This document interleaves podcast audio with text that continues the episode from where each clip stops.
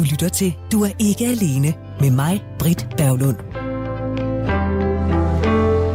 Vi lever i en sær tid. En tid, som vi aldrig har prøvet før. En tid, hvor vi bliver anbefalet så vidt muligt at blive hjemme og ikke fysisk mødes med dem, som vi normalvis plejer at mødes med. Det vil sige, det der med at mødes øh, over en kop kaffe, en omgang hverdagsmad eller et slag badminton, det kan vi ikke. Og øh, kan vi blive hjemme fra arbejde, så skal vi også gøre det. De sidste 14 dage, der har jeg været ude om, ja, jeg prøvede at tælle efter, og jeg tror måske, jeg kommer op på 10 gange, primært for at handle. Øh, det har jeg så gjort enten tidligere om morgenen, eller så sent som muligt, for ikke at støde ind i andre. Øh, og da mit motionscenter lukkede, der tænkte jeg, oh, men så er det da oplagt at få gang i det der løb igen. Nej, det er kun blevet til få gange. For jeg synes egentlig ikke, at det der med at bevæge mig ud, det er særlig attraktivt.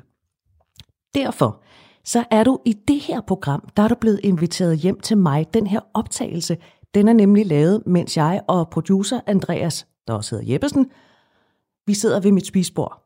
Det er to meter på den lange led. Andreas sidder i den ene ende, jeg sidder i den anden. Der er to meter imellem os, og vi har ikke krammet, da Andreas dukkede op. Andreas, er du sød lige? Så fik jeg hørt, du er her. Jamen, jeg er her. Det er godt.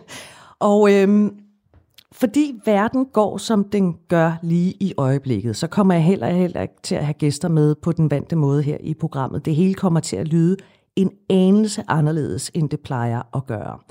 Så velkommen til en øh, lidt speciel udgave af Du ikke alene. Og også velkommen til dig, Tony Eva Clausen, ekspert i menneskelig adfærd tak. og ejer af konsulentvirksomheden, der hedder Menneskekenderen.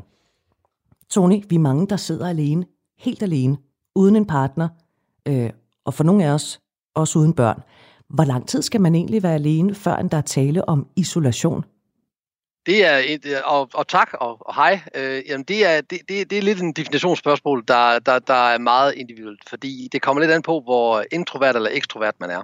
Hvis man nu er ekstrovert, som øh, i hvert fald to af de personer, der snakker sammen nu er, nemlig du og jeg, ja, så skal vi ikke være alene så lang tid, før vi føler os isoleret, øh, fordi vi har meget brug for øh, social kontakt og meget brug for at interagere med andre. Vi har måske også brug for taktil kontakt, altså det at røre ved hinanden.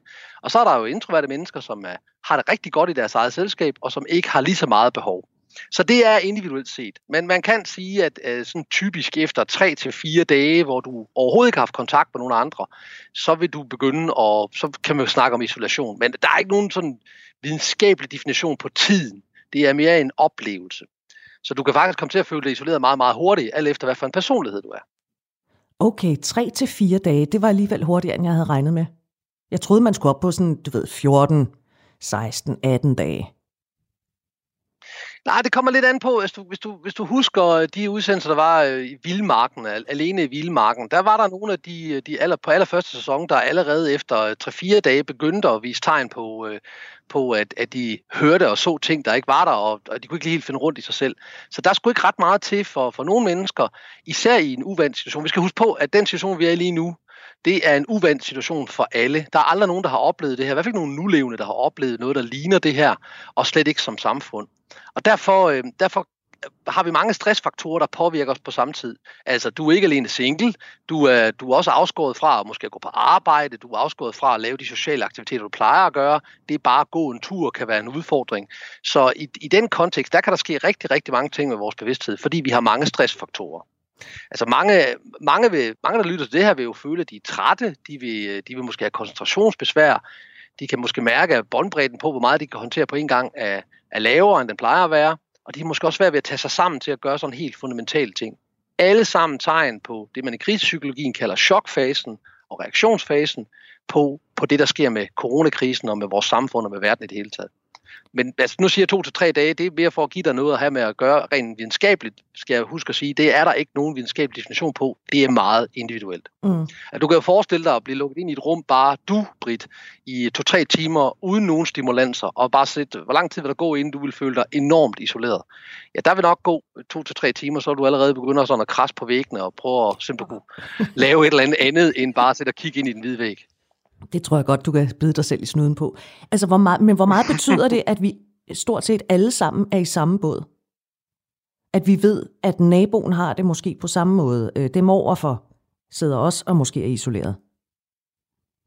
Det betyder kun noget, hvis vi har kommunikeret det. Altså hvis vi har snakket med dem om det. Fordi det at sætte derhjemme og forestille sig, at der er nogen, der har det på samme måde, det, øh, det giver meget lidt øh, skal vi sige, forløsning af ens egen øh, følelse af isolation eller af ensomhed. Og måske skal vi lige starte med at snakke om, at der er, sådan, der er sådan i hvert fald tre forskellige måder at være isoleret på. Der er det at være alene. Det er det, man godt kan lide at være alene. Det er det, man også nogle gange selv søger. Så er det det, vi kalder øh, social, øh, social isolation, det er, hvor man, det er det, vi har nu, social distancering, hvor vi fysisk er, er væk fra andre, og så har vi det, vi kalder emotionel isolation. Og emotionel isolation, det er der, hvor du ikke deler dine følelser med andre, eller ikke vil dele det med andre. Og, og det er der, den kommer lidt ind med, hvordan er vi påvirket. Hvis vi taler med naboen øh, på god afstand, eller på telefonen, eller på sociale medier om, hvordan de har det, så får vi følelsen af fællesskab. Men blot viden om, at jamen, vi er sammen om det her hver for sig, det er meget, meget lidt. Øh, det, det, det er sjældent nok for de fleste mennesker. Men interaktionen, der taler om følelser, og taler om, jamen sådan har jeg det også, så får man en følelse af samhørighed, men det er i interaktionen, det at vi taler med andre, der gør det. Ikke bare det, jeg ved, om der, jeg er sulten, om der er også børn i Afrika, der er mere sulten end mig. Det hjælper ikke ret meget. Med mindre jeg taler med en, der er meget mere sulten end mig, så kan jeg godt få følelsen af, ah, jeg kunne godt lige holde lidt igen på min egen følelse af sult. Lige nu, der er vi jo så i en situation, hvor vi alle sammen bliver bedt om ganske ufrivilligt at leve nogenlunde isoleret. Øhm, men det her med at isolere sig, hvorfor vælger man normaltvis at isolere sig? Ja, du tænker, at isolere sig i at være alene og ikke at ja. tage kontakt med nogen. Ja. Det, er, det, er jo en, det, er jo, det er jo en psykisk mekanisme for langt de fleste. Altså det er noget, vi gør, hvis vi føler skam, eller skyld, eller hvis vi er stresset, eller deprimeret, eller hvis vi er bange for at blive forladt. Øh, det er i hvert fald i single-liv, det er en af de ting, vi kan se, der er en udfordring. Det er efter et stykke tid, så, øhm, så, så kan vi så nærmest blive bange for at få interaktionen, fordi vi er bange for at blive såret. Så, så kort sagt kan man sige, at Ja, hvad var spørgsmålet? Undskyld, Britt. Der tabte også tråden. Min båndbredde er heller ikke så lang, som den plejer at være. det er, hvorfor man normaltvis kunne vælge at isolere sig. Det gør du, det, det gør du jo typisk, hvis du føler, du skal, du skal bearbejde noget, eller hvis du lige føler, du har brug for at trække dig, fordi det at være sammen med andre er rigtig en kompliceret social interaktion.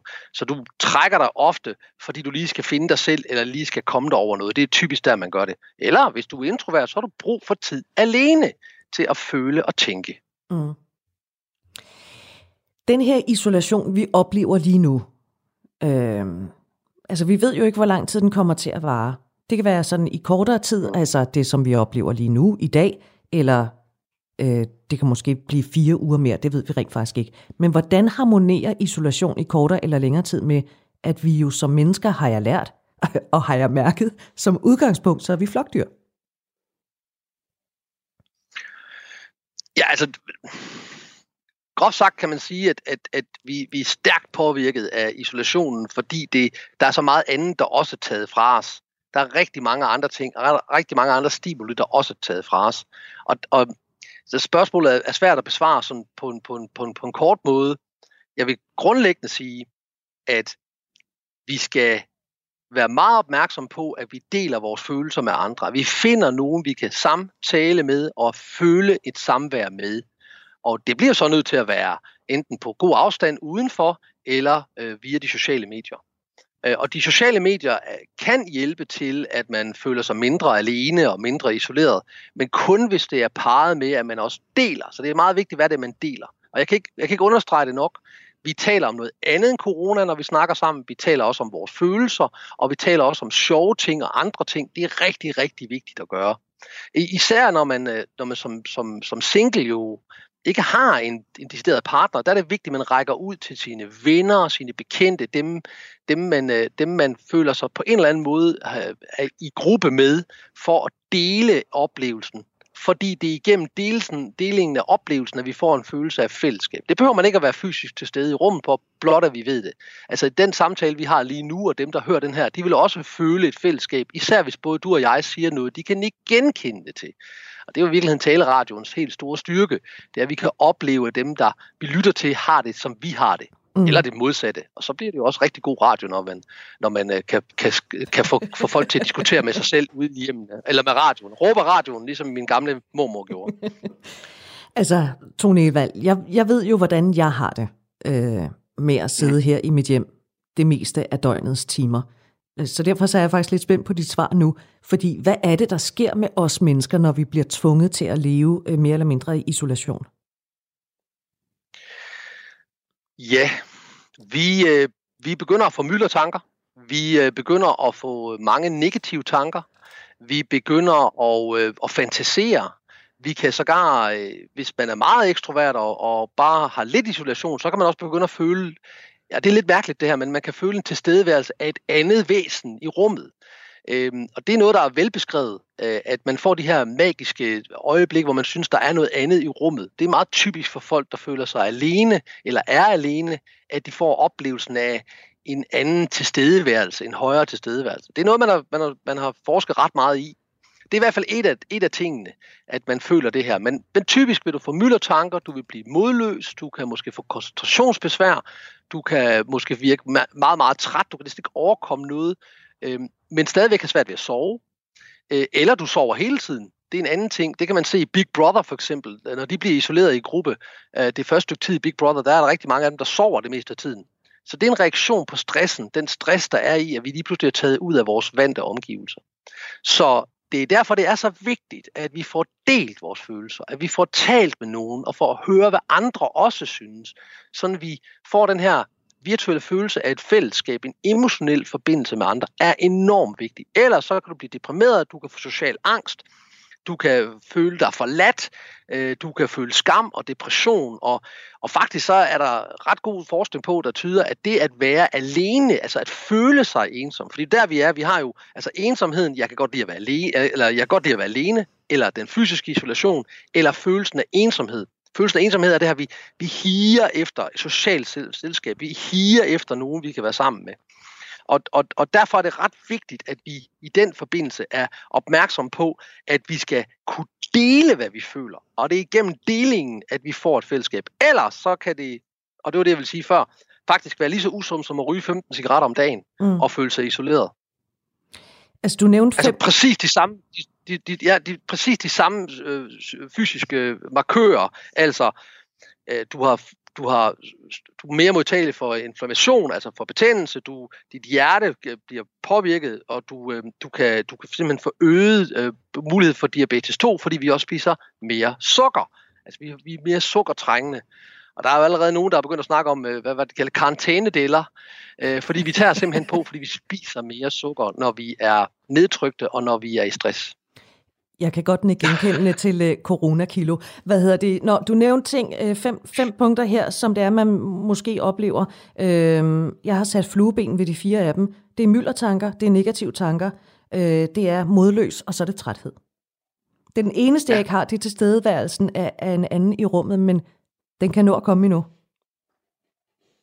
Ja, den er meget, altså, den er meget individuel. Jeg, jeg siger den egentlig lidt, fordi at, at, at når vi nu snakker ind i, et, ind i et rum, hvor folk er single, så kan man meget hurtigt få den her oplevelse af, der er ikke nogen, der, jeg har ikke nogen at dele det her med.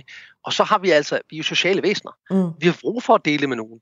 Og så, så kan der opstå de her situationer, hvor man begynder at tale med, jeg taler med, med luften eller med sig selv, og have en følelse af, at jeg ikke, jeg, der er altså en anden her end mig. Og det behøver ikke være negativt, det er ikke sådan spøgelser, men, men øh, det, den, den, den kan altså fremkomme efter længere tids situation. Og længere tid er igen stærkt individuelt. Er det fire timer? Er det fem uger? Hvad er det? Nå, der fik vi sat det femte flueben, fordi jeg går der også og taler med mig selv, men det, det gør jeg nu også, selvom jeg ikke er isoleret. Hvad hedder det? Nå, Tony Evald Clausen, øh, vi har talt om det her med, at øh, der er forskel på, hvordan man reagerer i forhold til, om man er øh, ekstrovert eller introvert. Øh, nu får du en mm. lille historie, ikke? fordi for en god uges tid siden, der var det påkrævet, at jeg skulle bevæge mig ud i virkeligheden i forbindelse med noget arbejde. Øhm, jeg skulle mødes med to mennesker, jeg aldrig har mødt før, og så skal jeg da ellers love for, at fanden tog ved mig. Øh, fordi indtil den formiddag, der var der gået en del dage, hvor jeg ikke havde mødtes med nogen, men jeg havde ligesom heller ikke talt med nogen. Så da jeg dukker op den formiddag, der har jeg lad os bare være ærlige, jeg har meget stort behov for at tale med, og ikke mindst tale på de her mennesker, øh, som jeg jo aldrig har mødt før. Mm. Og, og kom til, mm. altså, jeg slog mig lidt fra panden, da jeg cyklede hjem, ikke? fordi altså, de der dårlige vidtigheder, jeg kom til at måtte sige undskyld, det, jeg, det kommer til at gå ud over jer, jeg ikke har været sammen med, med andre mennesker. Hvad søren er det for en adfærd, ikke for dagen? Nej, det er en helt naturlig adfærd. At det er ret vigtigt, at vi snakker om, at mange af de reaktioner, vi, har, vi lige har talt om, og de her fem punkter, vi lige gik igennem, det er helt naturlig adfærd. Du er på ingen måde, øh, du, Britt, er på ingen måde dysfunktionel eller på vej over et eller andet psykisk øh, traume her du er jo øh, tydeligvis et øh, stærkt ekstrovert menneske, og du har en, et, et udækket behov for interaktion med andre, for at dele, for at være begejstret. Du vil også typisk være typen, og nu snakker vi så om Brit, og det er, du selv åbnet døren, så nu går vi ind ad den. Altså, du har brug for at dele gode historier, du har brug for, at vi er glade sammen, du har brug for god stemning, du har brug for, at vi, vi ligesom ryster lidt sammen, nu skal vi have det hyggeligt-agtigt. Og det har du ikke fået dækket det behov i, i de her dage op til, og så er du endelig nu i, i, en, i en situation, hvor du kan dele det. Så har du simpelthen et indre pres, der siger, nu skal jeg ed og mame have dækket det her. Og det er jo ufrivilligt. Og vi skal huske på, i, i alt det her, Britt, at følelser sker jo for os. Altså det er uden for vores frivillige kontrol. De sker for os. Så, så vi kan ikke gøre noget ved, at følelserne sker. Det har vi ikke ansvar for, men vi har rigtig meget ansvar for, hvad vi gør ved følelserne. Og hvis du føler skam over, at du er ekstra, ekstrovert, eller du føler, at det skulle jeg ikke have gjort, eller slår dig selv for panden, så skal du holde op med det. Fordi de, de mennesker, du er sammen med, kan jo bare sige fra og sige, nu, nu har vi hørt den sidste joke, kan vi holde en pause lidt her? De, de har lige så meget ansvar for at sige til og fra, som du har. Men det er helt naturligt, det her indre pres med, nu skal jeg bare af med noget her. Og det er ikke noget, du nødvendigvis har en oplevelse af, du kontrol over. Mm. Og det er fordi, du er blevet understimuleret. Og så vi er tilbage til, lad være med at gå en hel dag uden at snakke med nogen. Ring til en veninde, ring til noget familie, Skype med nogen, del følelserne, fortæl gode vidigheder, del alle mulige følelser, og snak om noget andet end coronavirusen. Og derfor vil mit andet råd også være, hvis du er single, og du hører det her, skru ned for nyhedsstrømmen brug, brug nogle andre impulser, end bare hele tiden at høre TV2 News, eller høre, hvor det hele det går, fordi det er lige luk ind i depressionen. Og vi kan ikke gøre noget ved det, men vi kan gøre noget ved, at vi gør gode ting for os selv, og at vi sørger for hver eneste dag at bruge tid på at tale med nogle andre. Hvis nu man ikke bruger tid på at tale med andre, at der kan gå måske nogle dage mellem, at man taler med nogen øh, og fører mm. en, en helt normal samtale, ikke? Kan man så frygte, at ja. man kan miste, og jeg ved godt, det er et gakket spørgsmål, jeg er nødt til at stille det, er der en frygt for, at man kan miste evnen til at føre en normal samtale? Ikke over et par dage men du kan, øh, du kan godt øh, miste evnen til at, øh, og du, du kan godt blive social akavet over, over længere tid. Jeg, det var så jeg det, tror, der skete den formiddag. nej, nej, du var jo bare dig selv. Jeg synes jo ikke, at du, du, du, du havde jo det, du havde et overtryk jo uh, inde i dig. Så, så jeg synes, du er hård ved dig selv nu. Jeg, jeg synes, at, at du, du måler dig selv på en vægt, du ikke skal måle dig selv på. Øhm, det er det, vi jo typisk kan se ved folk, der har været single i rigtig lang tid, det er, at det bliver sværere og sværere for dem at tage første kontakt. Især mænd. Altså det bliver sværere og sværere for dem at tage første kontakt til det modsatte køn, eller til dem, de gerne vil være, de gerne vil være sammen med. Fordi det bliver mere og mere uvant for dem at have den sociale interaktion. Og det er jo derfor, mange kvinder de har, har oplevet, du ved, at mænd, de, de smiler måske lidt til den, men så drikker de sig fulde, og så kommer de op og siger, hvorfor står du ser så sød ud? Øh, skal du ikke danse? øh, og det er jo enormt, der, kan altså, det er de færreste kvinder, der siger, åh, oh, jeg stod bare og ventede på en fuld mand, der kunne komme op og bøvse mig i ansigtet og spørge, hvorfor jeg så sød ud. Og det er jo fordi, de ikke ved, hvad de skal gøre ved det, så nu er jeg lidt hårdere ved, ved mandekønnet. Men, men, men over længere tid, social, social og emotionel isolation vil over længere tid øh, gør, at evnen til at føre og have kontakt med andre bliver stærkt nedsat. Man ved simpelthen ikke, hvad man skal gøre. Man ved simpelthen ikke, hvad man skal sige. Og man ved ikke, hvad man skal starte det. Og man, man, har, man er ikke vant til andres impulser, så man kan også blive enerådig og introvert og, og hissig. Det er den anden ting af isolation, det er, at dit temperament måske også stiger. Altså vi bliver hurtigere vrede, vi bliver hurtigere kede af det, og vi får mange parallelfølelser lynhurtigt efter hinanden. Så det ene øjeblik er jeg helt vildt op at køre, nej, det skal nok gå det her, og det andet øjeblik så er jeg helt nede, nej, det er noget lort, og jeg mister mit arbejde, og det hele går galt, jeg får aldrig en kæreste. Og det tredje øjeblik, nej, det skal nok gå. Altså vi får i krisepsykologien, som det her jo er, det er krise. Og i, der vil du have de her mange parallelle følelser. Og den vejen ud, Britt, det er masser af samtale med andre mennesker om både dine følelser, og også om deres følelser, og også om noget andet end selve krisen. Men ingen hensynsbetændelse. Altså, du, hvis, du, hvis du vil hjælpe et andet menneske, der er ked af det, eller nedtrykt, eller deprimeret, eller på andre måder i, i øjeblikket, på grund af den her isolation, så, så er det vigtigt, at du ikke forsøger at reparere og sige, ah, at det går nok, og det skal nok gå, og det er nok ikke så slet, så skidt igen. Der er det vigtigt, at du ingen hensynsbetændelse tager, øh, at du i stedet for forstår dem og siger, at det er okay, det er sådan, du har det. Ja, og, og vil du beskrive det for mig, uden at prøve på at reparere eller sige, kan vi ikke snakke om noget positivt, nu har vi snakket om negativt. Det er ret vigtigt, at folk får mulighed for at ventilere alle deres følelser, uden at føle en dom over det. Altså uden at de føler, at nu, nu er jeg, det er også for dårligt, jeg er ked af det. Fordi så kommer du i sådan en rundkreds, hvor du siger, det, jeg har det dårligt, men jeg har det dårligt over, at jeg har det dårligt. Så nu har jeg det dårligt over, at jeg har det dårligt, at jeg har det... Kan du høre, hvordan det går i rundkreds, ja, og til sidst ja. så går man i sådan et pressionshul. Og den kan vi bryde, når vi snakker med andre, ved at lade den tale. Ligesom du lader mig tale nu. ja, det kan man sige. Og det er meget sjovt, at du nævner det her, fordi øh, øh, efter nyhederne kl. 21, øh, der kommer Thomas Markersen på banen. Thomas han er, er, er psykolog, han er faktisk vores hus, huspsykolog, øh, hvor vi blandt andet skal tale om det her med at samtale, fordi det er vigtigt, at vi samtaler, og hvor han netop siger, at det er vigtigt, at man går med på lidelsens præmis, at vi giver det plads det der. Det, det, det er klogt sagt, og det er rigtigt. I al, al psykologi vil pege derhen. Der er ikke noget, der er lige så godt. Alt, af alt terapiformer, der overhovedet findes, så er samtale-terapi eller kognitiv terapi er det absolut øh, mest effektive. Mm. Tony, øh, der er noget, jeg er nødt til at vende med dig. Mm. Øh, Bare med dig og mig. Ja, og, og, og øh, fordi nu går der noget tid, før en psykolog, Thomas Markersen, kommer på banen. Så nu får du altså lige lov til at lege med en psykolog her de næste par minutter. Din rolle, som okay. jeg tænker, at du som ekspert ud i menneskelig adfærd godt kan udfylde. Øh, mm-hmm. Der er nemlig noget, jeg har opdaget, og som jeg skulle er lidt flov over. Øh, jeg er simpelthen ved at udvikle et usundt forhold til pressemøder, hvor Søren Brostrøm, altså direktøren for Sundhedsstyrelsen, er med. Det er som om, at mhm. pressemøderne de bliver lige det bedre, når Søren Brostrøm er med. Hvorfor finder jeg lige pludselig Søren Brostrøm fra Sundhedsstyrelsen attraktiv? Ja.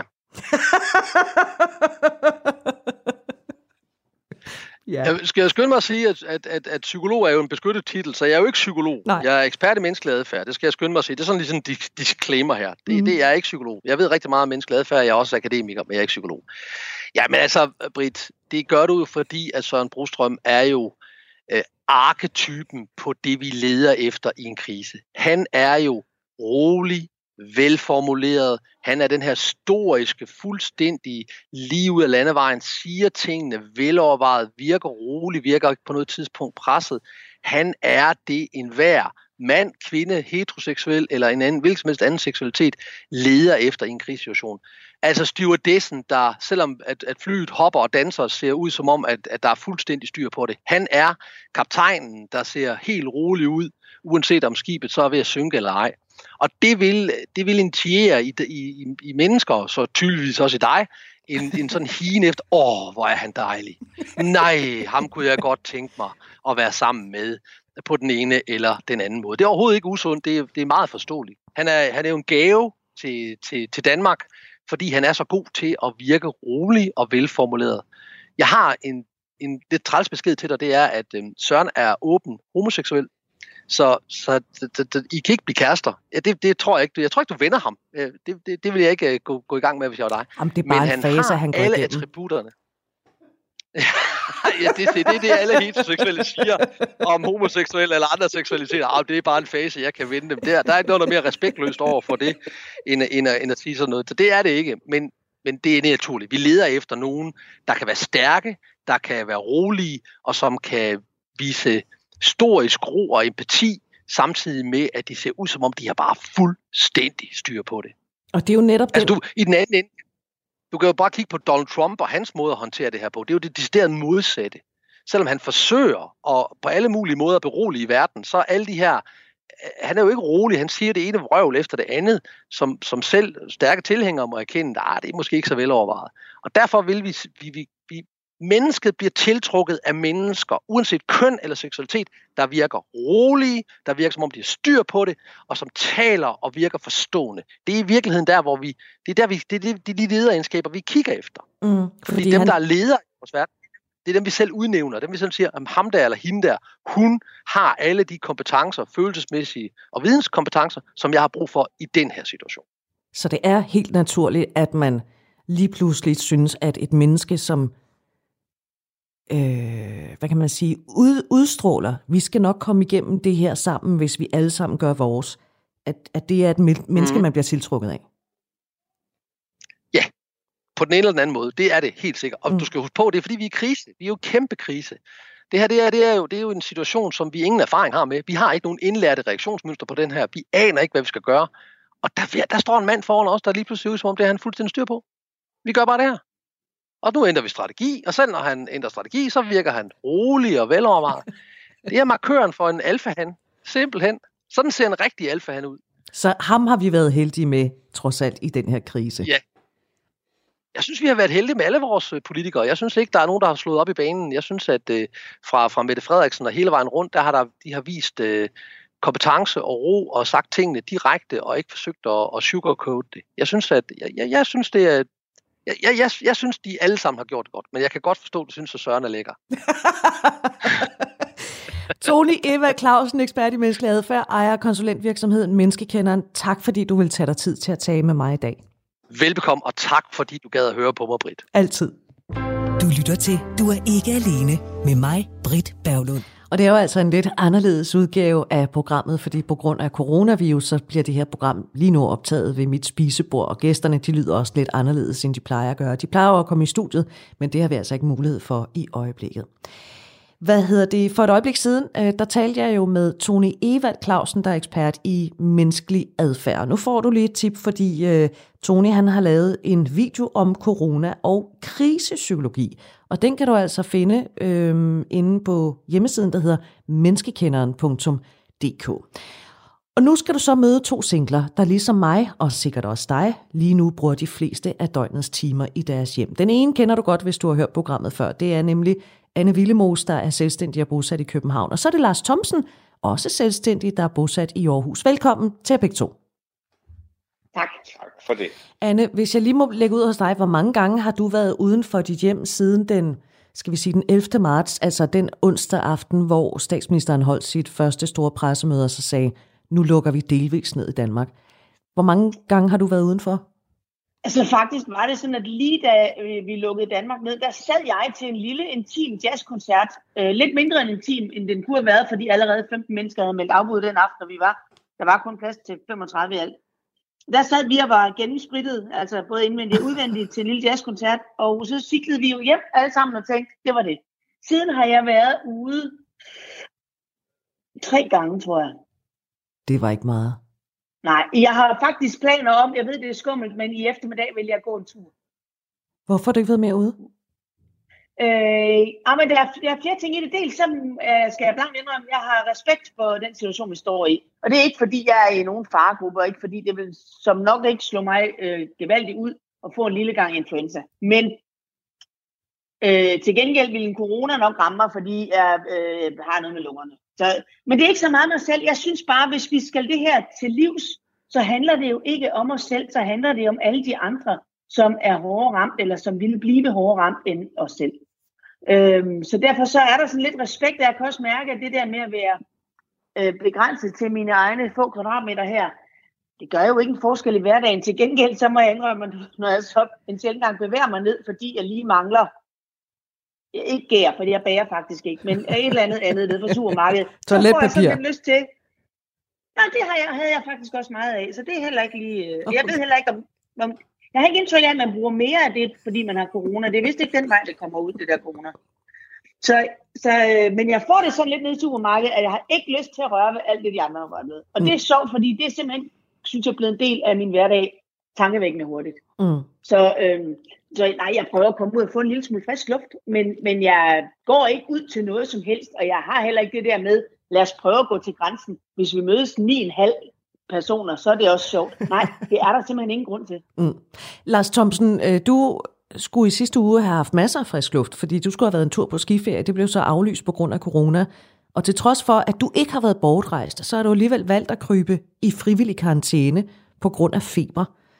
Hvordan har du det i dag? Mm-hmm. Tak, jeg har det sådan set fint. Jeg har det fint. Øhm, og det er rigtigt, at jeg skulle have været på skiferie. Øh, den blev aflyst. Heldigvis kan man sige, fordi ellers havde jeg risikeret at blive fanget deroppe på en eller anden måde. Det var ikke, det var ikke morsomt. Mm. Men jeg har det fint. Øhm, og, og modsat, øh, modsat Anne, så har jeg sådan set været ude hver dag øh, siden den 11. marts. Øhm, jeg sørger for at komme ud og gå hver dag. Jeg sørger for at komme ud for frisk luft. Jeg holder mig selvfølgelig behørig afstand fra andre mennesker. Øhm, men ellers så sørge for at komme ud, fordi det her gode, øh, gode vejr, det gør godt. Se, da jeg for lidt siden talte med Tony Evald Clausen, der fortalte han om det, øh, der hedder magisk tænkning. Det er sådan noget med, at man for eksempel, altså jeg kan genkende det for mig selv, man kan finde på at føre samtaler enten med sig selv, øh, med, med, med personer, der ikke er i rummet, eller med ting. Øh, fordi det er noget af det, der kan ske, når vi bliver isoleret. Så begynder vi at føre nogle samtaler med, med noget, altså med, med det, der nu er omkring os. Det der med at få en lille sludder, ikke? Med, med en imaginær person, bladlus eller en kogekedel, Anne, Anne Vilmose, det er noget, du praktiserer? Ja, og det er der, jeg ved, at det er mig, du sigter til, når du siger bladlus. Jeg har talt, med, jeg har talt meget med, og det var da jeg øh, forleden dag igen blev ramt af det der bladlusfænomen, og jeg har jo, jeg bor på fjerde sal på Vesterbro, jeg har en altan, og jeg har decideret visne fingre, og alligevel så har jeg bladlus over det hele, og dem snakker jeg med, og jeg knækker også øh, frydefuldt, når jeg kvaser dem mellem fingrene, og det er der, jeg ved, jeg ikke er buddhist. og bliver det heller ikke. Jeg, jeg kan ikke arbejde med. Men altså, jeg vil gerne sige, det er jo ikke corona-bestemt. Jeg har da i mange år, og, og jeg har heldigvis læst nogle, desværre få, men øh, velmenende artikler om, at det er et udtryk for stor intelligens, når man taler med sig selv, eller de kalder det så dagdrømmeri, men det er lidt same, same, but different, ikke? Altså, jeg, jeg synes at tit, jeg har nogle gode samtaler med mig selv. Jeg synes også faktisk, jeg får afklaret en række argumenter. Øh, jeg kan også øve mig i nogle samtaler. Øh, på den måde er der jo aldrig kedeligt inde i mit hoved. på det, godt og ondt. Og, det tror vi på. altså, jamen, jeg vil gerne sige det her med corona. Min hverdag i dagtimerne har jo ikke ændret sig, fordi jeg de sidste fire år har været vant til at arbejde hjemme. Jeg, mm. jeg har jo ikke en arbejdsplads, jeg plejer at gå på, eller et kontor, jeg plejer hen til. Og, øh, og de der søde mennesker, der siger, at man skal huske nu at stå op og klæde sig fint på og sidde ved sin computer, så har jeg det slet jeg arbejder mindst lige så godt i noget grimt nattøj, det er derfor, jeg vil ikke være med på billeder, hvis vi kan slippe for det. Ja. Så, så, så det behøver jeg sådan set ikke. Det er klart, at så har jeg til gengæld som regel taget revanche ved, at når klokken den bliver hen af aftenstid, så øh, kommer der enten nogen her og spiser, eller jeg skal ud og mødes med nogen, eller vi skal lige mødes ned på vinbaren til et glas. Det er jo det, man kan, når man har mm. mit liv, hvor der ikke er 1,9 børn og dobbelt carport at tage hensyn til. Og ja. det bruger jeg rigtig, rigtig aktivt, og jeg har været, og jeg er rigtig god til at tage initiativer og se mennesker. Jeg er simpelthen så privilegeret i forhold til at have en meget levende omgangskreds. Mm. Og det kan jeg selvfølgelig godt mærke, at det bliver der på et tidspunkt, den der trummerum, de der, vi, vi savner jo altid det, vi ikke har. Og når vi har meget travlt i perioder, så tænker vi, åh, giv mig to dage, hvor jeg bare ikke skylder noget, og bare kunne være alene hjemme. Ikke? Nu har vi så fået to dage af det, godt og vel. Og nu tænker vi, nu kunne det også være rigtig hyggeligt, hvis vi skulle ud og spise et sted eller noget. Øhm, og det kommer jo selvfølgelig igen. Jeg, så, så, det, så til gengæld, så synes jeg, der opstår andre fantastiske ting. Jeg ja. har i sidste weekend været på bar. Ja, og Anne, vil du hvad, hold that thought, fordi den vil ja. jeg gerne lige vende tilbage ja. til, men jeg vil lige gerne have, have Lars på banen her, fordi Lars, en ting er, jeg, jeg går og taler med mig selv. Øhm, og det gjorde jeg faktisk også, før vi overhovedet endte i alt det her. Altså, jeg kan også gå og tale med mig selv, når jeg er nede og handle. Jeg prøver at holde det, så andre folk ikke kan høre det. Men, men kan du mærke, at du sådan har ændret adfærd, øh, nu hvor du har været meget hjemme? Mm, nej, det synes jeg ikke, øh, det synes jeg ikke, jeg har på den måde. Jeg, jeg kan sagtens genkende det med at tale med mig selv. Måske ikke tale, men, men fortælle mig selv nogle ting en gang imellem. Specielt, altså, hvis, hvis man øhm, får lavet noget, som ikke er så hensigtsmæssigt, så kan jeg godt finde på at sige, Hovsa Thomsen, det er jo sgu ikke så smart det der. eller, eller omvendt, hvis jeg lykkes med noget, altså ja. hvis jeg lykkes med, med gode ting, så kan jeg godt finde på at lige og, og sådan lige uh, spænde musklerne og sige, det er jo fandme godt gået det der, Lars. Det, øhm, det var sgu godt gået, Lars. Ja, øh, og, og, øh, og nogle gange kan jeg også finde på at sige højt til mig selv, når jeg render ind i et eller andet bøvl, sige, hvad fanden gør jeg nu? Altså, øh, så, så ligesom Anne, altså, så taler jeg også meget med mig selv ind i hovedet, men nogle gange sætter jeg faktisk også ord på det, så der kommer ud, også selvom der ikke er andre her i lejlighed, hvor jeg bor. Mm. Øh, og, og det er egentlig meget hyggeligt at høre min egen stemme en gang. ja, altså jeg kan jo have det ja. sådan lidt, hvis jeg, hvis jeg for eksempel går ned og handler, så har jeg svært ved at holde det inde. Altså jeg er nødt til ligesom at sige det, hvis jeg nu hvis der er noget, jeg ikke kan finde, altså hvor den der salsa-sovs, så er jeg nødt til ligesom at sige det højt, for så, så er det som om, jeg finder det hurtigere. Nå, det er også lige meget. Prøv at høre, Lars Thomsen, du er jo også, øh, ligesom Anne, så er du også selvstændig. Du arbejder med, med ledelsesrådgivning. lige nu, der kan du se rimelig langt efter arbejde pt. Der er ikke noget. Det har du helt ret i.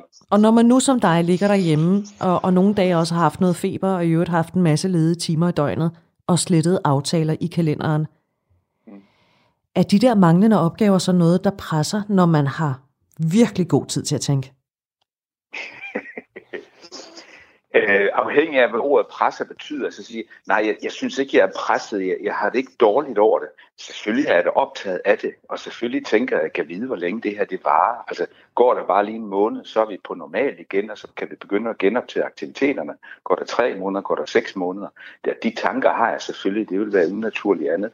Øhm, men, men jeg, har, altså, jeg er selvstændig nu på 8. år, og jeg, jeg, synes, jeg synes, jeg har lært mig selv at have tillid til, at selvom jeg kigger ud i perioder, hvor der ikke lige står noget i kalenderen, så har jeg lært at have tillid til, at, at jamen, opgaverne de kommer på en eller anden forunderlig måde, så dumper opgaverne sådan løbende ned.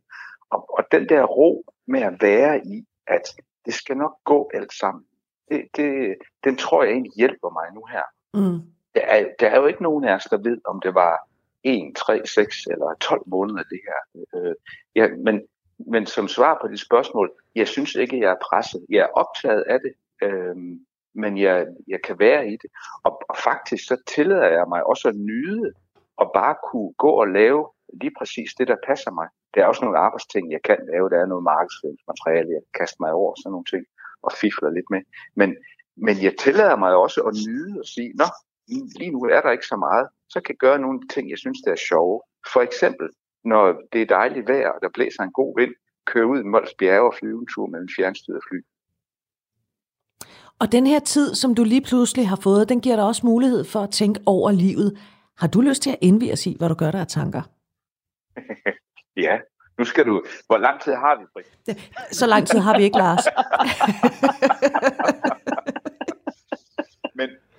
så ja, øh, jeg gør mig bestemt tanker om, om livet i al almindelighed. Det gjorde jeg også inden corona. Øh, for mig er det vigtigt, øh, for mig er det vigtigt, at jeg har det godt, og er glad, og kan glæde mig over mit liv. Og det synes jeg er et langt stykke hen ad vejen, jeg lykkes med. Jeg har sådan en, en, jeg har en vision, der handler om, at hvis, hvis jeg, når jeg vågner om morgenen, øh, kan se ud i en dag og glæde mig til den dag, og når jeg lægger mig på puden om aftenen, lægger mig til at sove, kan se tilbage på det, og synes, det har fandme været en god dag. Den, den mestrer du godt, Thomsen. Så, så lykkes jeg et langt stykke hen ad vejen med mit liv, synes jeg. Mm. Selvfølgelig er jeg da også optaget af, at jeg også skal betale min husleje, min bil og min ferie om 5 og 10 år. Men øh, jeg, jeg, jeg har med tiden lært mig at lige, øh, hvad hedder det, nyde livet. Jeg, jeg, jeg tror, man med rette kan kalde mig en nys, livsnyder. Jeg kunne, øh, inden corona den satte ind, øh, der kunne jeg sådan set godt have lavet flere opgaver, end jeg har løst. Men jeg har ikke lyst til det. Øh, jeg har levet det der liv som, som businesspartner i en stor organisation og, og knoklet 60-70 timer om ugen. Det gider jeg simpelthen ikke mere. Altså det er mit liv for meget værd til. Jeg, jeg løser de opgaver, jeg skal løse for at tjene de penge, jeg skal tjene for at kunne gøre de ting, jeg gerne vil. For, for mig er det, øh, for mig er det høj grad af livskvalitet. Du lytter til Radio 4. Anne Vilmos, øh, Lars Thomsen kalder sig selv livsnyder. Det er du ja. vel også? Det tror jeg faktisk godt, man kan sige. Der er flere, der, er flere, der har peget på med, med sådan en, en, en, lille, en lille slags omsorg i stemmen. Så har sagt, hvordan går det? For jeg forestiller mig ikke, du er sådan en type, der sparer meget op. øh, og, det er, og, det, og det er nok også, jeg er jo musiksproglig student for hunden, ikke? Altså, ja, hvad kan man forvente? Øh, ja, ikke? det er jo ikke, hvis jeg kunne noget andet, så havde, jeg, så havde jeg valgt en anden linje. Men når jeg skal høre min egen stemme, så synger jeg, for jeg er gammel sanger, og så synger jeg højt, og det kan godt være hårdt for naboerne, men jeg synes, der må vi være rummelige alle sammen. De skal være glade for, at jeg ikke øver mig på anden stemme på, med en alt sagt i et big band, for det har jeg gjort i perioder, og der får man jo kun brudstykker, og det er aldrig melodistemmen, og det er faktisk lidt hårdt at høre mm. på. Så der synes jeg, det er, at jeg, det er, at jeg synger... Øh, hvad? Anne, skal vi ikke have et lille nummer nu? Nej, det, det oplever jeg faktisk ikke, vi skal. Jeg har sunget med Philip. Det, øh, ja, det oplever jeg ikke, vi skal. Men jeg har sunget med Philip her til morgen. Det gør jeg hver morgen 9.05. Øh, så på den måde har jeg selvfølgelig også mine øh, rytmer, fordi 9.05, der synger jeg, jeg elsker de der tiltag, og apropos det der med at være lysnyder, og det Lars han siger med, at man skal huske, man skal i hvert fald huske ikke at gå i brokkelommen, fordi den, den er dels så er der mange i den, den er optaget, men der er ikke, der er ikke plads til flere i den. Og så skal man jo huske at se på, og det er ikke fordi, jeg negligerer, at nogen er frygtelig hårdt ramt af det her. Og tro mig, altså nu er jeg meget tilfældigvis lige nu øh, temmelig arbejdsramt. Jeg kan da blive helt misundelig over alle dem, der skriver, hvad skal vi se på Netflix nu? For jeg har faktisk ikke haft tid til at se hverken Netflix eller noget andet de sidste par uger. Og det er jeg, det er så privilegeret at være der. Vi holder op på et tidspunkt, og så ser jeg ind i som foredragsholder, at så kan der godt være et stort sort hul, og det må jeg, som Lars også siger, det må vi tage, når den tid kommer på en mm. eller anden mm. måde. Det må jeg forholde mig til derhen. I mellemtiden skal man jo glæde sig over alle de fantastiske tiltag og initiativer og idérigdom, der opstår ud af det her. Øh, og det er fordi, jeg vælger simpelthen at tage lidt skyklapper på i de her dage, for jeg orker ikke folk, der er sure. Og jeg orker så dels ikke dem, der bliver sure, hvis man er glad. Fordi det synes jeg er en helt unik måde at spille tiden på. Øh, og som jeg lige sagde tidligere, altså hen over den her weekend, fordi jeg vil ikke undvære mit sociale øh, liv, også fordi, som Britt også gør, jeg taler jo højt med mig selv, både i supermarkedet, men også bare ude på gaden. Og der har jeg overvejet nogle gange, at jeg simpelthen skulle tage de der, min svors Airpods på, fordi så ser det mindre dumt ud at tale højt med sig selv på gaden. Så kan folk trods alt forestille sig, at det er fordi, jeg taler med nogen. Det gør jeg som regel ikke. Det er, jeg har, og det er jo lange samtaler lige nu, og det, der er meget alvor i dem, og det er meget godt skælde lidt ud tit på mig selv. Men, men om i den positive lomme, der, der tager folk jo initiativer. Jeg er teknologisk analfabet, men jeg har da været i bare tre gange den her weekend på Zoom. Ja, og det er du nødt til lige at forklare, hele... øh, fordi du har ja. været på fredagsbar, og så har du også været på diskotek. Jeg, har også været på diskotek, og jeg har også været til cocktailparty. Øh, med det resultat, at da jeg nåede til søndag morgen, så havde jeg faktisk lidt tømmermænd. øh, jeg kan næsten fornemme en stolthed i stemmen. Jamen, det var en hård weekend, det var det, og det var simpelthen en skøn weekend. Øh, og, det, og hvis man skal se lyst på det, så var der jo i min fredagsbar i fredags, der var jo ikke kun folk fra København, der sad der. Der var folk med, både henne fra det der Jylland, men også fra Texas og, øh, og fra øh, Colorado, og fra Indien og fra øh, Italien og fra Frankrig. Men, øh, fordi man har jo ravet venner til sig over hele kloden hen ad vejen. Men Anne, du er nødt til lige at øhm. forklare os, hvordan du kommer til en fredagsbar, når du sidder derhjemme Jamen, uden andre søde, mennesker. Søde mennesker, de har fundet ud af det der Zoom, øh, som er sådan noget ligesom Skype. Ikke? Så, så, går man, så er der nogen, der tager initiativet, sender et link, og der er nogen, der har lavet en ret åben invitation, øh, og jeg kan sende den til jer begge to, fordi så ses vi på fredag. Så sidder vi der i, i Skype-kraven, for lige at tage det værste. Den der påklædningsgenstand, der kun lige går ned til brystkassen. øh, man kan vælge, enten skal det være med skjorte og slips, eller skal det være en lille balkjole, men, men der nedenunder, der kan man have, have helt bare nummer, eller hvad man lige synes egner sig til fredagsbar. Øh, jeg har også i den... Anne, hvorfor, må man ikke, hvorfor må man ikke sidde i sit nattøj? Det må man også gerne, men det føles, det kan jeg lige så godt indrømme over for dig, Lars, det føles forkert. Okay. Det, det er, jeg har i den sammenhæng fundet ud af, øh, hvad, hvad gevinsten er ved at stå i den der kraksblå bog. Det er fordi, mm. den passer lige i højden, når man skal have sin computer op i, øh, i Skype-højde. den, ligger nu, den ligger nu fast. Jeg har aldrig rigtig vidst, hvad jeg fik ud af at stå i den. Det, det er sødt, at nogle mennesker de indstiller mig til det, men, men den ligger nu fast på mit bord oven på Nana Kalinka Bjerkes store bandebog. De to til sammen giver perfekt Skype-højde. Mm. Og så var jeg i bar to gange, og, og i cocktailbar, og så lørdag aften var der nogen, der skrev, øh, lavede en gruppe, og, så, og skrev hele, hele øh, musikvideoer ind. Og der kunne vi så heldigvis ikke se hinanden. Men altså, prøv at jeg, var, jeg dansede rundt i min stue til øh, høj musik, og med ni fremmede mennesker, så jeg kendte jo ikke deres musiksmag, og jeg lover, at vi kom ret langt omkring. Men det er et bedre diskotek, end noget, jeg har været på. Øh, ever, tror jeg. Jeg egner mig simpelthen ikke til diskoteker. Jeg synes, det er et frygteligt sted at være. Jeg bliver helt usynlig, og jeg kan ikke, jeg kan ikke kompensere ved at sige noget sjovt, for der er ingen, der kan høre mig. Så derfor så, så er det her meget bedre diskotek med mig. Vi sad, så skrev vi beskeder, og så hørte vi musik. Altså til klokken ret sent. Mm. Og så drak vi øh, vin, og så var der jo sådan en lille, hvad drikker I andre? Jeg får en gin tonic, hvad får I?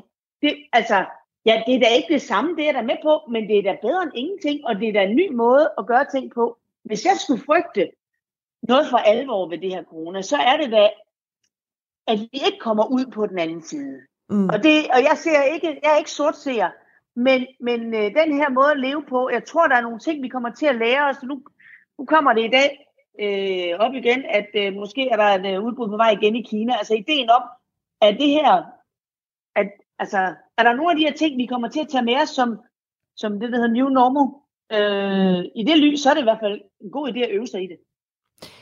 Lars Thomsen, øh, sådan en, en, øh, en diskotekstur, øh, en lørdag aften hjemme i privaten alene, er det noget, der frister?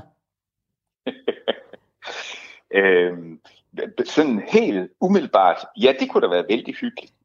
Øhm, og, og, og Anne, du siger, at du bliver høj af det. Øhm, man kan sige, jeg, jeg tager også på diskotek, men på en anden måde, men, men jeg gør noget, jeg bliver høj af. Altså, øhm, når jeg har behov for kontakt til andre mennesker, så ringer jeg til dem, snakker med dem. Øhm, vi er nogle stykker, der tager ud og flyve sammen en gang imellem, og det kan vi godt gøre. Vi kan sagtens stå på en skrant med fem meters mellemrum og flyve. Så, så jeg, kan, altså, jeg kan komme ud og, og være høj. Jeg kan tage på diskotek i overført betydning. Jeg, ja. jeg, jeg, jeg tror, øh, jeg tror, jeg ville føle det, det er forkert øh, at sidde bag en computer øh, og feste sammen med andre på den måde. Det, det, der, der, jeg tror, der vil mangle noget nærvær, men det kunne være meget sjovt at prøve. Altså jeg vil sige, da, da vi lørdags, øh, og det var fem ret øh, nære venner, øh, spredt fra Vesterbro og Frederiksberg til Gilleleje og så et smut til New York, øh, som ses ret jævnligt, og som savnede at ses. Og så vil jeg gerne sige, det er så at sætte op på Zoom med hver sin øh, cocktail kl. 17 lørdag. Øh, nej, det er da rigtigt, der savner, vi savner, vi snakker alle sammen om, at vide, hvornår vi kommer derhen, hvor vi kan ses igen fysisk. Men vi må bare konstatere, at der er vi ikke lige nu.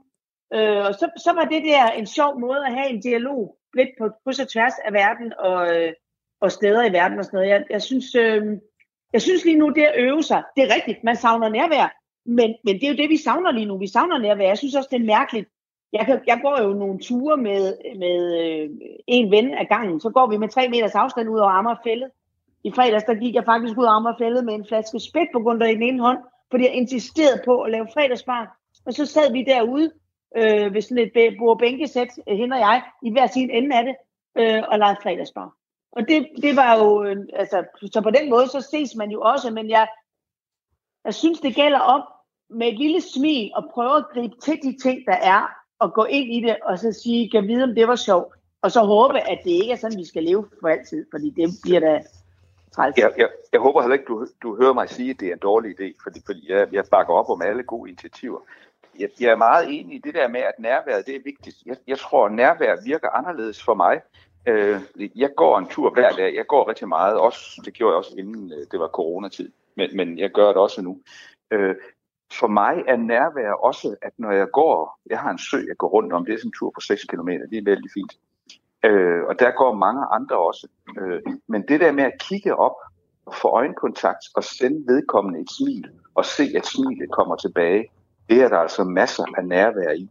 Og, og det tænker jeg, det, det, du spurgte, øh, en af jer sagde det her, bliver der, bliver der noget andet noget, eller noget af det her, vi kommer til at tage med os? Ja, jeg tror faktisk, noget af det, vi kommer til at tage med os, det er, det er øh, en værdsættelse af den nære, den nære kontakt. Øh, det her med at, at sende et smil til andre mennesker, øh, man ikke kender, man møder på gaden, øh, og mærke, at smilet kommer tilbage, det tror jeg er en af de kvaliteter, en af de gode ting, vi kommer til at tage med os fra det her. Så jeg får masser af nærvær fra fremmede mennesker, fordi jeg smiler til dem, og der kommer et smil retur. Mm. Ja, og jeg kan godt følge dig. Så sent som i går var jeg øh, ude og vi købe ind kort. Og der smiler folk faktisk også til hinanden, fordi der er sådan en oplevelse af, at vi må ikke komme tæt nok på til at kunne tale. Øh, og, og, det, og det kan jeg godt øh, følge dig i, men jeg, men jeg, jeg synes, jeg savner det nærvær, der stikker en tand dybere. Det, der, det, det forstærker nogle gange følelsen lidt af isolation, at vi går rundt om hinanden. For, for efterhånden en del år siden tog jeg på sådan et, øh, og det har afført mange vidigheder siden, øh, men et, et silence retreat i uh, Thailand i 12 år. Og, og der var jo essensen af det, at vi kunne ikke, jamen der skulle ikke grine, så, nå, men, øh, men der jeg sidder og holder mig for munden. Ja, men det er også, og det er klogt, for ellers så kommer jeg efter jer. Nå, men der, øh, der var essensen af det, at vi jo lige præcis kunne se på hinanden, og vi kunne også nikke, men der var jo ikke, man kunne ligesom ikke føre samtale. Man måtte ikke læse, man måtte ikke skrive, man måtte ikke løbe, man måtte ikke grine, man måtte ikke... Altså, og man måtte slet ikke tale jo. Øhm, og der synes jeg, at nogle gange, så fik man lyst til at holde op med at se på de andre mennesker, fordi den connection, du havde med dem, var, var det modsatte af nærvær. Det var en, en, en gensidig anerkendelse af, at vi ikke fandtes i det samme rum. Ja. Øhm, og det kan men, jeg godt, den synes jeg godt kan forstærkes. Så synes jeg faktisk, når jeg sidder, ja, bag ved min computer, men jeg har jo mine fem veninder fra rundt omkring i verden med ud på min altan og vist dem min bladlus, og at roserne er ved at springe ud. Og, altså, så det er også noget med, hvad er det for et rum, vi skaber, når vi, når vi leger med de der elektroniske værktøjer. Ikke? Jo, og, og jeg, jeg tænker, at det skal ses i lyset af den situation, vi har i øjeblikket. Nemlig. Jeg vil da, jeg vil da nøde i resten af livet leve med kun at få nærvær ved at sende smil til fremmede mennesker. Men, men når nu virkeligheden er, som den er, så, så, så oplever jeg, at jeg kan berige mig selv øh, på, på den måde. Det, det er, man kan sige, der hvor jeg kan mærke, at jeg savner noget, det er, det er mit, øh, min daglige gang når jeg ikke har opgaver på mit kontor. Jeg bor i et kontorfællesskab, hvor jeg har mit kontor sammen med en hel masse andre. Og det er, det er vældig berigende i dagligdagen. Øh, og det kan jeg godt mærke. Det savner jeg. Altså den der øh, øh umiddelbarhed. Døren står åben. Man siger, hej, øh, har, har, har I fået flyttet ind, og har jeg gjort det rigtigt, og hvordan gik det med, med din datter og spen, og bla bla bla bla. Altså, den her small talk, som vi bare tager for givet til daglig, den kan jeg mærke, den, øh, den savner jeg lidt. Det kan jeg godt forstå, men det, og det svarer jo også til at have en arbejdsplads. Det er jo lige meget, hvordan en arbejdsplads er konstrueret, men man, man tager et sted hen, hvor der er social dialog, og så ja. tager man væk derfra igen. Men som jeg, så sagde, men som jeg sagde til Britt, da vi snakkede på den dag, den, den har jeg jo vendet mig af med, fordi den har jeg jo ikke haft i fire år. Så derfor så, øh, så øh, kan man sige meget ofte, når jeg skal ud blandt mennesker, så skal jeg ud og optræde for 500-600 mennesker, og så står jeg på scenen og kører hjem igen. Det er, det er heller ikke nærvær. Så derfor så, det er måske derfor, jeg øver mig i så at være meget tæt på nogle få mennesker i enden af arbejdsdagen, og det er så der mit, øh, mit, mit, mit savn kan ligge, kan man sige. Jeg tror på mange måder, hvis man er vant til at være alene i sin hverdag, og alene med sine tanker, så kan det godt være, at man deler det med reolen, men det, det er også meget øh, uh, givetigt, synes jeg indimellem. Men på mange måder, hvis man er vant til at være alene i sin hverdag, så tror jeg måske lige nu, at man har, har det nemmere end altså at være skadet inde med tre andre mennesker, som man jo elsker, og det er ens familie. Men det var bare ikke meningen, at de skulle være der hele tiden. øh, og det, det, der tror jeg, der er nogen af os øh, slipper jeg, jeg nemmere. Tror... Det er klart, at hvis vi bliver syge, så har vi så et problem. Ikke? Men, øh, ja. Jeg, jeg tror, det, det er mere nuanceret end som så, fordi det her med at vælge at altid være sammen med mennesker, eller primært foretrækker at være alene. Der er mange parametre, der er afgørende, fordi nogle er så født med en introvert præference, andre med en ekstrovert. Andre kæmper med noget i livet, der gør, at lige nu har jeg brug for, for tryghed omkring mig. Så der, mm. der kan være mange årsager til at vælge selskab eller vælge alene tid, tænker jeg. Jo, men, men selv så lige nu, der kan du ikke rigtig vælge, hvis du bor sammen med, du ved, øh, din mand og to børn, så, så kan du ikke rigtig vælge at sige, jeg kunne godt tænke mig to timer i fred. Gå væk. Altså, det kan øh, man ikke rigtigt.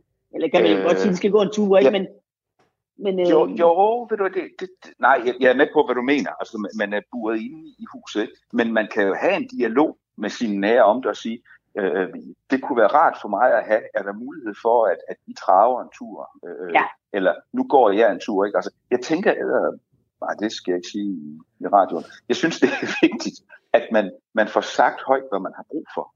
Ja, det er rigtigt. Og så, så, kan vi, så kan vi tale om, om det kan lade sig gøre. Ja. Og det der... Det, det, er klart, det er klart, at lige nu er vi jo, er vi jo, vi er jo frataget de der... Altså jeg har jo, øh, det har man hørt mig sige før, jeg har simpelthen ikke noget issue med det der single-liv, fordi jeg er rigtig dygtig til at bruge det til at tage mange initiativer og se mennesker og gå ud og høre musik meget og sådan nogle ting.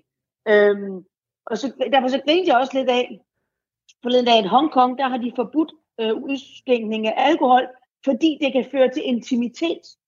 Og der vil jeg gerne sige, der er det faktisk lige meget, hvor meget jeg drikker heroppe i lejligheden. Det fører ikke til noget. Der, der, det sker der ingenting ved lige nu. Det er ikke sådan, at jeg sidder og pludselig bliver så splittet, at jeg lægger ind på mig selv. Det, øh, så jeg drikker bare videre. Jeg har lige fået 12 plads med i går. Men, så hvad, men Anne, vi ved jo ikke, hvad fremtiden bringer. Vi ved jo ikke, hvor længe vi skal være lukket inde, så lad os ikke udelukke noget som helst. Prøv at høre, venner. Der er nyheder lige om lidt. Øh, jeg synes, det var en dejlig samtale, I noget at have her til sidst. Og det der med samtale, ja. det kommer vi til at dykke mere ned i efter nyhederne, fordi øh, er der noget, vi skal bruge tiden til her, hvis vi har mere af den, end vi plejer, så skal vi bruge den til at dyrke den gode samtale, og det skal vi altså tale om her i Du Ikke Alene. Lars Thomsen, Anne Villemos, tak fordi, at vi måtte ringe til jer. Ha' det godt, som vi siger, ikke? Ha' det godt. Jo. Ja, ha' Hej. det godt. Hej. Hej. Hej.